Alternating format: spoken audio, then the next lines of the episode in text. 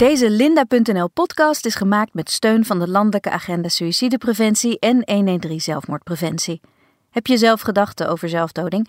Of maak je je zorgen om iemand? Praat erover. Dat kan anoniem via de chat op 113.nl of door gratis te bellen met 0800 0113.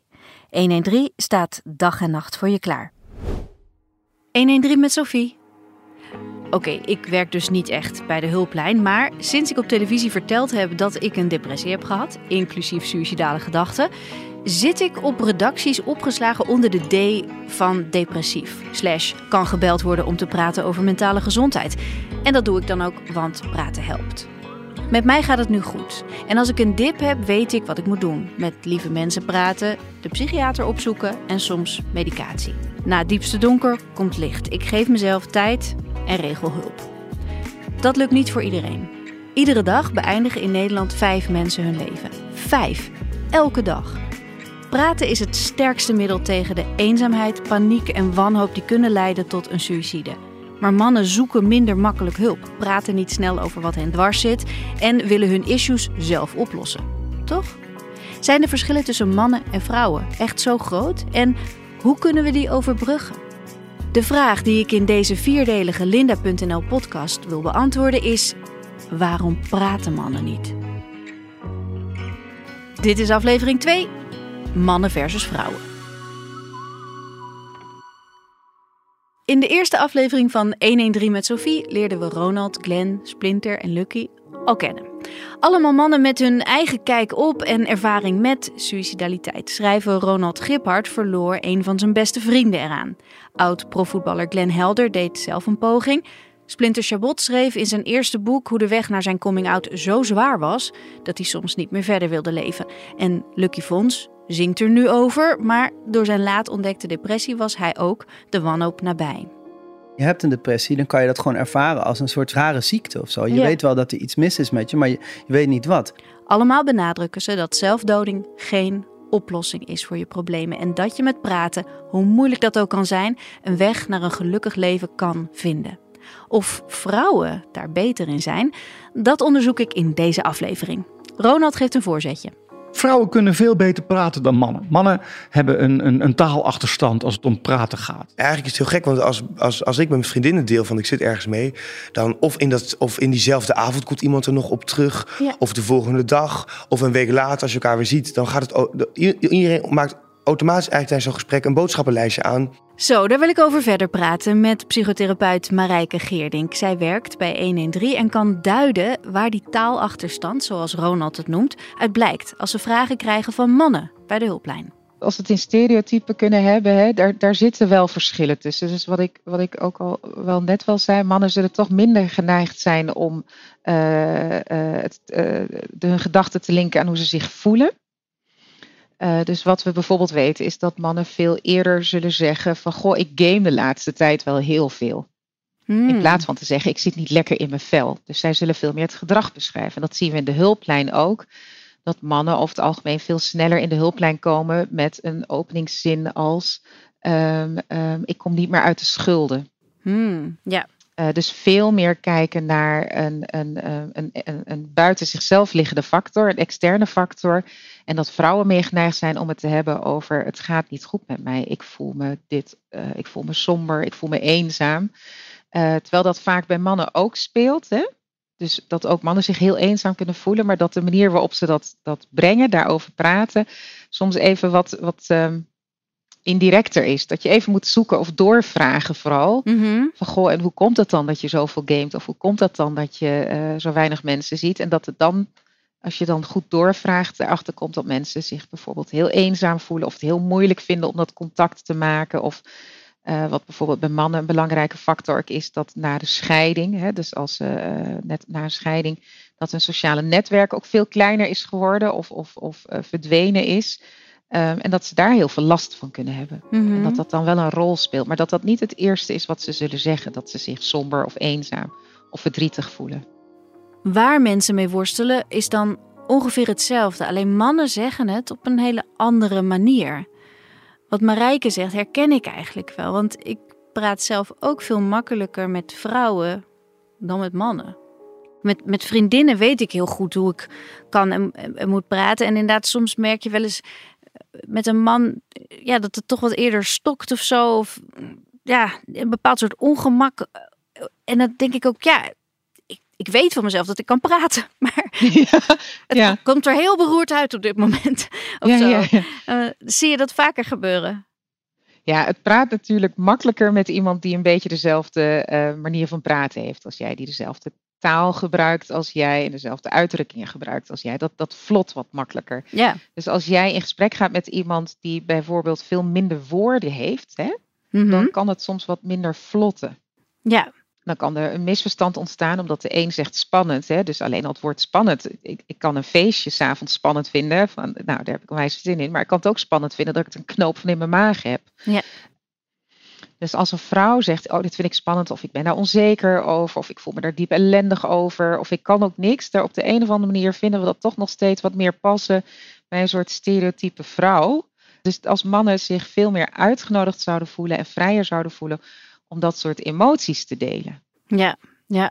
Ik moet ineens denken aan een eerste date die ik ooit heb gehad. Met een jongen die uh, zijn scriptie aan het schrijven was. En we zaten te, te kletsen in die bar. En dat je, dat je een beetje aan het kijken bent van vind ik iemand leuk of aantrekkelijk. En het ging dus over zijn scriptie. En hij probeerde het verhaal een beetje mooi te maken of zo. En in één keer stort hij helemaal in. En toen begon hij daar op die eerste date dus aan de bar te huilen over dat hij eigenlijk gewoon geen idee meer had hoe hij verder moest met zijn scriptie. En ik weet nog dat ik, nou dat, dat heb ik echt aan heel veel vriendinnen, ik schaam me daar nu dus voor, uh, als een soort anekdote verteld. En oh my god, weet je wat hij deed? Hij begon te huilen, nou echt gênant of zo. Um, ja, voor hem of gênant voor jou? Um, ja, ja, ik weet het niet. Maar het is echt wel bij die ene date gebleven of zo. Alsof het, ja. nou ja, wat we ook zien is dat als de ander niet voldoet aan een soort stereo, dat wij daar zelf ook ongemakkelijk ja. van worden. Hè? Dus, dus soms denk ik ook wel, ja, we kunnen wel tegen die mannen zeggen, praat erover. Maar vrouwen, accepteer en verdraag dan ook dat als die man daar um, uh, in tranen uitbarst of zijn, zijn ontreddering laat zien, hè, moeten vrouwen daar ook voor openstaan. Ja. En dat is niet om jou nog een schop na te geven, maar wel, ook, ook vrouwen hebben daar nog wat in te leren. Dat, dat, hè, dus uh, als iemand gaat praten, moet er ook iemand luisteren, zeg ik altijd. Ja, luisteren. Oeps, vijf strafpunten voor mij dus. Maar Jeroen en Rob van praatgroep Mannenkracht, die kunnen dat dus wel heel goed. Er is niet zoiets als zo zijn mannen. Dus er is ook niet zoiets als deze rol hebben mannen. Ehm, en ik denk dat we heel erg graag ehm, willen dat er wel zo'n antwoord is. Uh, zo zijn mannen, of dit is wat er mis is en dit is wat er nodig is. Veel jongens worden bijvoorbeeld uh, na hun vierde of vijfde jaar al niet meer zoveel geknuffeld. En er wordt al helemaal niet meer aan ze gevraagd hoe het met ze gaat, bijvoorbeeld. Uh, dus daar lijkt niet zoveel aanspraak te worden gemaakt op het ontwikkelen van je binnenwereld en die delen met de buitenwereld. en bij meisjes lijkt dat makkelijker wel gedaan te worden. Dus het lieve en de dichtbijen wordt sneller benoemd. Uh, en wat ik er persoonlijk van heb meegemaakt is dat je als jongen op een gegeven moment ook een beetje bang kan worden van je hele emotionele wereld. Als je de weg in iets niet weet, dan ga je het een beetje vermijden. Uh, de ingang naar dat gebied is gewoon, hoort er meer bij. en voor mannen hoort hij er wat minder bij. dus op het moment dat je dat gaat openen, moet je eerst ook even langs die halte. Het is dus daarom ook niet zo simpel om te zeggen: ga eens over je gevoel praten. Dat is, dat is dus een wereld op zich. Ja, ja dat klopt. Ehm, er zijn ook wel eens eh, onderzoeken gedaan ehm, met baby's. Gewoon in de luier. En dat, dat, dat ze random elke baby een, een roze, dan wel een blauw polsbandje hebben gegeven. Dus mhm. ongeacht of het een jongen of een meisje is. En toen eh, zijn ze gaan observeren en gaan vinken. Hè? Dus hoe communiceren mensen met een baby waarvan zij op basis van het kleur polsbandje denken dat het een jongetje of een meisje is. En daar, daar zit daar al een verschil in hoe wij reageren op jongens en meisjes. Dus ook uh, uh, uh, eigenschappen die we zo'n baby toedichten op basis van het feit. Dus dat we bij kindjes, baby's met een blauw polsbandje meer geneigd om te zeggen: Oh, wat een dapper kindje, wat een stoer jongetje. Oh, kijk, stevig en armpjes. En bij een kindje met een roze polsbandje meer geneigd om te zeggen: Ach, wat een mooi kindje en wat schattig en wat lief. Dus veel meer die stereotype kenmerken, mannen kenmerken, vrouwen kenmerken toe te dichten. Ja. Ehm, en, en ja, nou ja, goed, ik weet dat er onderzoeken zijn die inderdaad onderbouwen dat we ook bij de kinderen dus sneller uh, nog steeds heel pijnlijk en verdrietig eigenlijk geneigd zijn om bij jongens te zeggen, nou ja, uh, genoeg hè. Ehm, hè dat, dat, um, uh, dat het huilen nu wel moet stoppen. En dat van meisjes langer verdragen, meer geneigd zijn om ze vast te pakken, te knuffelen ook, um, ja. dan bij jongens. Dus dat begint al vroeg. Ja. ja. Jongetjes moeten zich al vroeg vermannen. En dat krijg je er maar moeilijk uit. Als je denkt ook aan zo'n stoere oude gast, mm -hmm. die, die mag niet huilen. Ja. Behalve bij een droevig country liedje of zo. Ja. Dat is, dat is een cliché, toch? Als hij een heel sterk uh, ja. hoestsnoepje neemt. Ja, maar, ja precies. Ja, ja, precies. Ja. Maar dat, dat zegt eigenlijk al alles. Dat is zo van, ja, een man mag niet huilen. Het is zelfs een liedje. Nee, een man mag niet huilen, ook al heeft hij verdriet. Maar een man mag niet huilen, ook al heeft hij verdriet. Een man mag niet huilen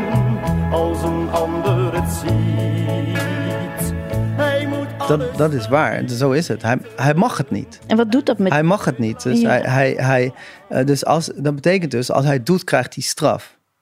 Hij mag het niet, want op kosten, waarom mag hij het niet? Omdat als hij wel zou, als hij wel zou huilen, dan is, het, dan, ja, dan, dan, dan is hij zwak, verliest hij status, verliest hij zijn aanzien. Dat idee zit gewoon in mij nog gebakken zeker in de mensen die ouder zijn. En ik hoop dus dat er nu een nieuwe generatie is die daar wat, wat relaxed over zijn. Is dat alleen iets voor mannen? Niet mogen huilen? Ik denk het wel, hoewel mensen in het algemeen liever wegblijven van al te veel heftige emoties. Met dat melancholiek aangelegde karakter van mij kan ik dus niet op een vraag van hoe het is makkelijk prima roepen. Bij mij is het dan altijd ja, volgens mij wel goed. Zo ben ik gewoon. Ik weet dat ik als kind al dacht: wat fijn dat ik gewoon mag spelen en lezen en niet stoer hoef te voetballen of potjes hoef te vechten op het plein. Ik was een diepe denker en dat is makkelijker te rijmen met een lief meisje dan een stoere jongen. Maar toen Joost Zwagerman zelf zijn leven beëindigde en ik al langer in een zwaarmoedige kokon leefde nadat ik voor de tweede keer moeder was geworden, was daar voor het eerst ineens die gedachte: oh ja, zelfmoord. Dat kan ook nog. Voor het eerst was het een mogelijkheid die op mijzelf betrekking had.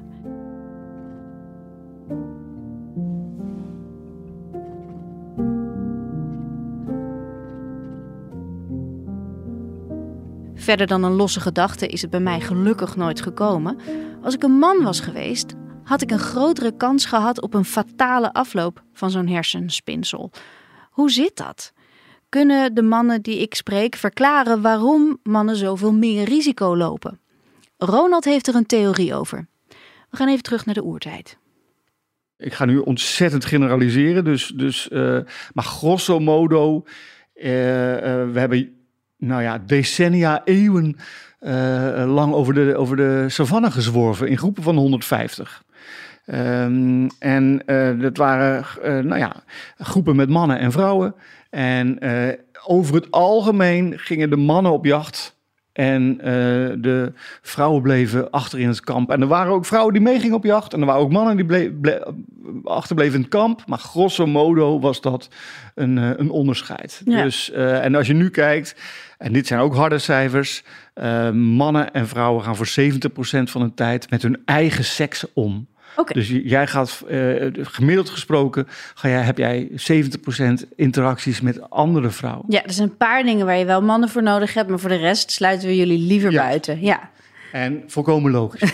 maar vrouwen blijven achter in de, in de groep met, met, met elkaar en fourageren. En uh, daar is veel minder hiërarchie. En ook veel meer gewoon taal, praten. Gewoon voor de, voor de groep. Vrouwen kunnen veel beter praten dan mannen. Mannen hebben een, een, een taalachterstand als het om praten gaat. Een taalachterstand? Zeker. Ja.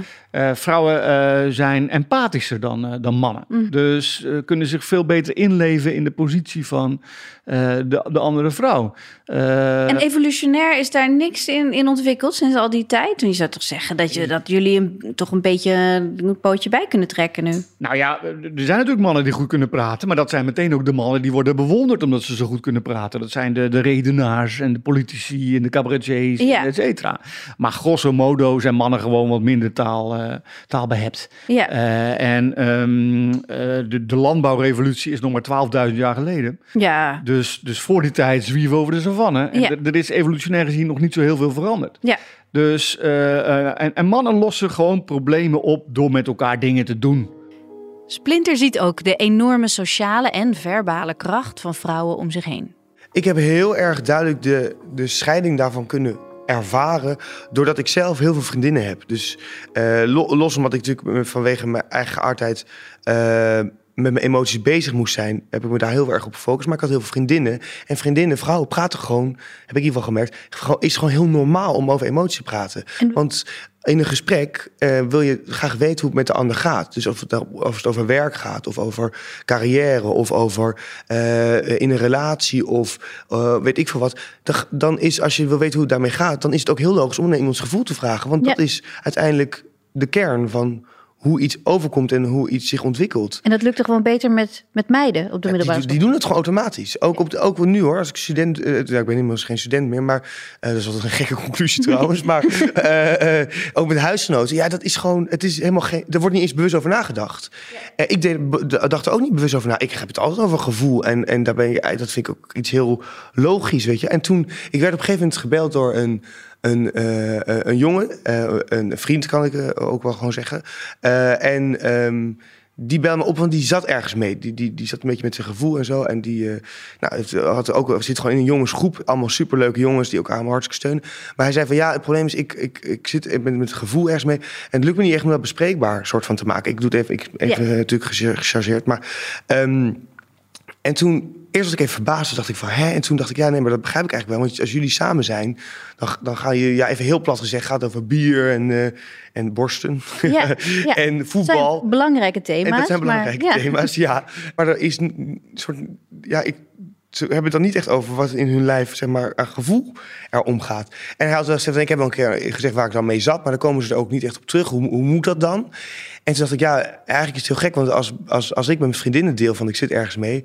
dan of in, dat, of in diezelfde avond komt iemand er nog op terug... Ja. of de volgende dag, of een week later als je elkaar weer ziet... dan gaat het...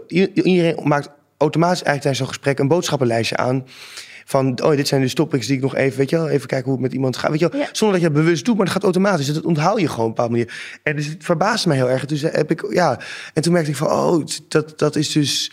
Zij komen, hij kwam veel later en ook zijn vrienden veel later met hun emoties, omdat ze daar eigenlijk nooit mee bezig hebben. En veel later bedoel je later in hun leven? Of? Ja, dus, dus, dus, dus na de puberteit en dan ga je studeren en noem maar op. En, en dan op een gegeven moment moet je wel met je om jezelf ook te begrijpen, moet je wel iets met je gevoel ook gaan onderzoeken en, en daarnaar kijken. En dat viel me gewoon op, omdat je, misschien omdat er minder noodzaak is geweest om met je emoties bezig te zijn. Ik, uh, kijk, Hoezo zou er minder noodzaak zijn? Nou, als je, als, je, uh, als je worstelt met wie je bent, dan moet je ook met je emoties bezig zijn, met je gevoel. Jij moest aan de bak. Ik moest aan de bak, ik kon er niet onderuit, omdat ik, het ook, ik, omdat ik mezelf niet begreep. En uh, dat is misschien op zo'n moment heel vervelend, maar denk ik later heel erg fijn, want daardoor weet je heel goed waarop je, waarom je op sommige dingen op een bepaalde manier reageert. Waarom je op sommige dingen voor sommige dingen gevoelig bent. Waardoor je. Weet je, al dat soort dingen weet je dan ja, veel je, beter. je hebt een enorme emotionele reis al gemaakt. Ja, en, dat is, en, en het gek is als je dat nooit hoeft te doen, dat je dat, je dat dus opeens dan later wel een soort van daar moet, naar moet gaan kijken. Of daarmee geconfronteerd kan worden. Ja, dus de, de- even de, kort door de bocht dan. De heteroman heeft een enorme inhaalslag te maken op dat vlak. En heel veel, ja, en ik denk dat sommige heteromannen er überhaupt niet aan toe komen. Nee, nee. Gezegd. Nee. En, maar dit is, dit is generaliserend, hè, want ik, dit allemaal alles is natuurlijk gevoelig. Maar, eh, ja, maar dat doen we lekker in deze podcast. Gewoon even gewoon, over ja. Nee, ik waarom dat dat praten wel mannen echt zo niet. is. Ja. en dat, er- dat, los daarvan hangt natuurlijk ook vaak een, een, taboe een beetje op van eh, emoties. Is het ingewikkeld, onbegrijpelijk. Maar dat is denk ik wel iets wat, wat, men, wat, wat dan een beetje wordt geroepen omdat het grappig is om te roepen, maar wat het eigenlijk niet gemeend is. Maar het is ook best wel eng om natuurlijk Mm. Ja. over je emoties te praten. Nou, en het is een vaardigheid. Als jij dat omschrijft, hoe dat gaat met die meiden op zo'n avond. En oh, dan heb je zo'n boodschappenlijstje. Oh, dat topic moeten we nog even langs. En daar kunnen we het nog even over hebben. Als je, dat is ook een bepaalde training. Als je dat helemaal niet gewend bent, als je inderdaad echt alleen maar de, gewoon de tools hebt ontwikkeld om over bier, voetbal en borsten te praten, hoe ga je het dan ineens over, weet ik veel, je burn-out hebben of, Ja. je, Ja, of, je, of je gevoelens überhaupt? Glenn ervaart dat verschil tussen mannen en vrouwen niet zo sterk. Ik denk eh, dat het gewoon voor iedereen eh, gewoon persoonlijk is. Want ook onder vrouwen en onder mannen heb je gewoon verschillende. Alle situaties, als je alle verhalen zou horen, zijn allemaal verschillende verhalen. Alleen de uitkomst is hetzelfde. Dus daar maak ik ook geen onderscheid in Nee. tussen man en vrouw. Want het leven is gewoon, het leven is gewoon als je die gedachte is van dat jij daarmee speelt, is voor elk leven, man of vrouw, is gelijk. Voor mij. komt het vaker voor bij mannen? Misschien heeft dat ermee te maken dat, je meer richting het schaamtegevoel gaat. Dat, dat, ze, dat ze meer schaamte van dat eh, voor zichzelf of voor de omgeving. En eh, dat vrouwen openlijker zijn, dat ze, dat ze minder, eh, eh, eh, minder stoer hoeven te zijn dan mannen. Of de- dat ze dat dan. Misschien heeft dat ermee te maken, dat, dat kan best. Zou het helpen als mannen een beetje ook dat kunnen omarmen, dat ze minder stoer hoeven te zijn? Zou dat misschien helpen? Ik weet wel zeker dat dat natuurlijk helpt. Ja? Nou, omdat als jij in die situatie zit en je bent zo helemaal in je gedachten ook daarmee op die manier bezig, dan eh, zou het juist helpen dat je daarover kan praten. Ja. Ronald zou het zelfs graag wat breder willen trekken. Bij Vrouwen is het is, eh, eh, weer grosso modo hebben vaak als invalshoek: eh, hoe ziet de wereld mij? En mannen ehm, is het andersom. Hoe zie ik de wereld? Dus mannen zijn veel meer gericht van, nou ja, eh, zelf het centrum van het universum eh, Ja. zijn. Ja. En mannen zijn niet het centrum van het universum. Ja. Eh, dus met elkaar gaan zitten en eens over onderwerpen gaan praten. Nou goed, ik ben, ik ben 56 en mijn vrienden zijn allemaal zo van mijn leeftijd. En het, het is heel goed om, en, en, en dat vind ik ook intellectueel, om eens met elkaar te gaan zitten en van oké, me too. Laten we, laten we het eens over me too gaan hebben. Ja. Wat is nou eigenlijk onze, onze rol en onze gedachten zijn? Inclusiviteit. Wat is nou eigenlijk onze rol en onze gedachten eh, daarbij? Eh, wij als eh, heteroseksuele witte mannen, wij zijn onderdeel van, van een probleem. En misschien is het ook heel goed om dat wij er eens over gaan nadenken. En ook Lucky Fons zit het beeld van de man en wat hij zou moeten zijn in de weg. Kijk, vrouwen worden vaak depressief, mannen plegen meer zelfmoord. Dat komt dus, denk ik, omdat vrouwen en mannen in een andere cultuur leven. Zo is onze samenleving nu eenmaal. En eh, voor mannen is het taboe om te praten nog groter dan voor vrouwen. Daar ben ik van overtuigd. Ja. En eh, ik denk ook mannen zijn opgezadeld met een soort masculine ideeën over ehm, dat ze problemen eigenlijk moeten oplossen. En zo. Ja, Eh, wat heb je daar zelf van gemerkt? Eh, Heeft dat, heeft dat jou in de weg gezeten, dat idee van hoe je man moet zijn? Ik denk het zeer, ik denk het zeer zeker wel. Ik ben op, ik, bedoel, ik kom niet over, maar ik ben op mijn manier ook een soort eh, macho. Of in ieder geval een, iemand die graag onafhankelijk wil zijn. En ook die misschien niet. Ik denk niet dat ik eh, van nature erg mild ben naar mezelf. Ik denk dat ik voor mezelf hard ben en veel vraag. En ook niet wil. ehm, ook niet graag toegeef dat ik kwetsbaar ben. Mhm. En ik denk misschien als ik vrouw was geweest, dan. Ja, kijk, kijk, het is natuurlijk een soort schande in de maatschappij dat dat gedaan wordt alsof vrouwen kwetsbaarder zijn dan mannen. Ja. Hè? Alsof mannen minder kwetsbaar zijn. Mannen zijn stoer en, en, en groot en sterk. En vrouwen zijn kwetsbaar. En eh, dat is natuurlijk. eh, ja, dat is, dat, dat, dat is natuurlijk een schande, want het is niet waar. En dan zeggen en, maar de oplossing is niet dat we gaan zeggen: oh, vrouwen zijn ook stoer. Vrouwen zijn heus ook wel stoer. We moeten zeggen: nee, mannen zijn ook kwetsbaar. Ja, Dat is het, zeg maar. We moeten eigenlijk een soort van de, de kwetsbaarheid die, die vrouwen wordt toegelaten onder het mom van ja, ze zijn toch zwak. Die zouden we eigenlijk moeten, die zouden we eigenlijk ook voor mannen moeten gelden, voor alle mensen. eigenlijk zou dus iedereen kwetsbaar moeten mogen zijn. En stoer natuurlijk. Vanaf heel jong krijgen mannen aangeleerd om hun binnenwereld te vermijden en krijgen ze minder kansen om die te ontdekken of te omschrijven met taal. De taalachterstand die ze daarmee oplopen, die hou je niet zomaar in.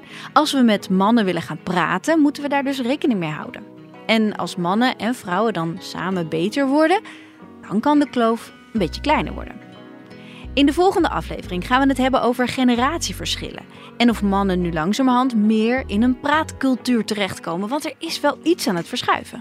En bijna al die uh, medewerkers uit vrijwilligers zijn ongeveer de helft van mijn leeftijd, zijn allemaal twintig en zo. Mm -hmm. En die zijn heel anders in de manier waarop ze praten. Die, die, die schamen zich helemaal niet voor uh, therapie of of dat ze misschien naar de psychiater moeten. Of over dat ze, ze kunnen spreken over hun eigen psych psychologische problemen. Alsof het gewoon. In, dat is compleet in anders. Tijd is zo veranderd. Dit was 113 met Sophie. Bedenk, het wordt lichter. Geef jezelf tijd. Tot de volgende keer. Deze Linda.nl podcast is gemaakt met steun van de Landelijke Agenda Suïcidepreventie en 113 Zelfmoordpreventie. Heb je zelf gedachten over zelfdoding? Of maak je je zorgen om iemand? Praat erover. Dat kan anoniem via de chat op 113.nl of door gratis te bellen met 0800 0113. 113 staat dag en nacht voor je klaar.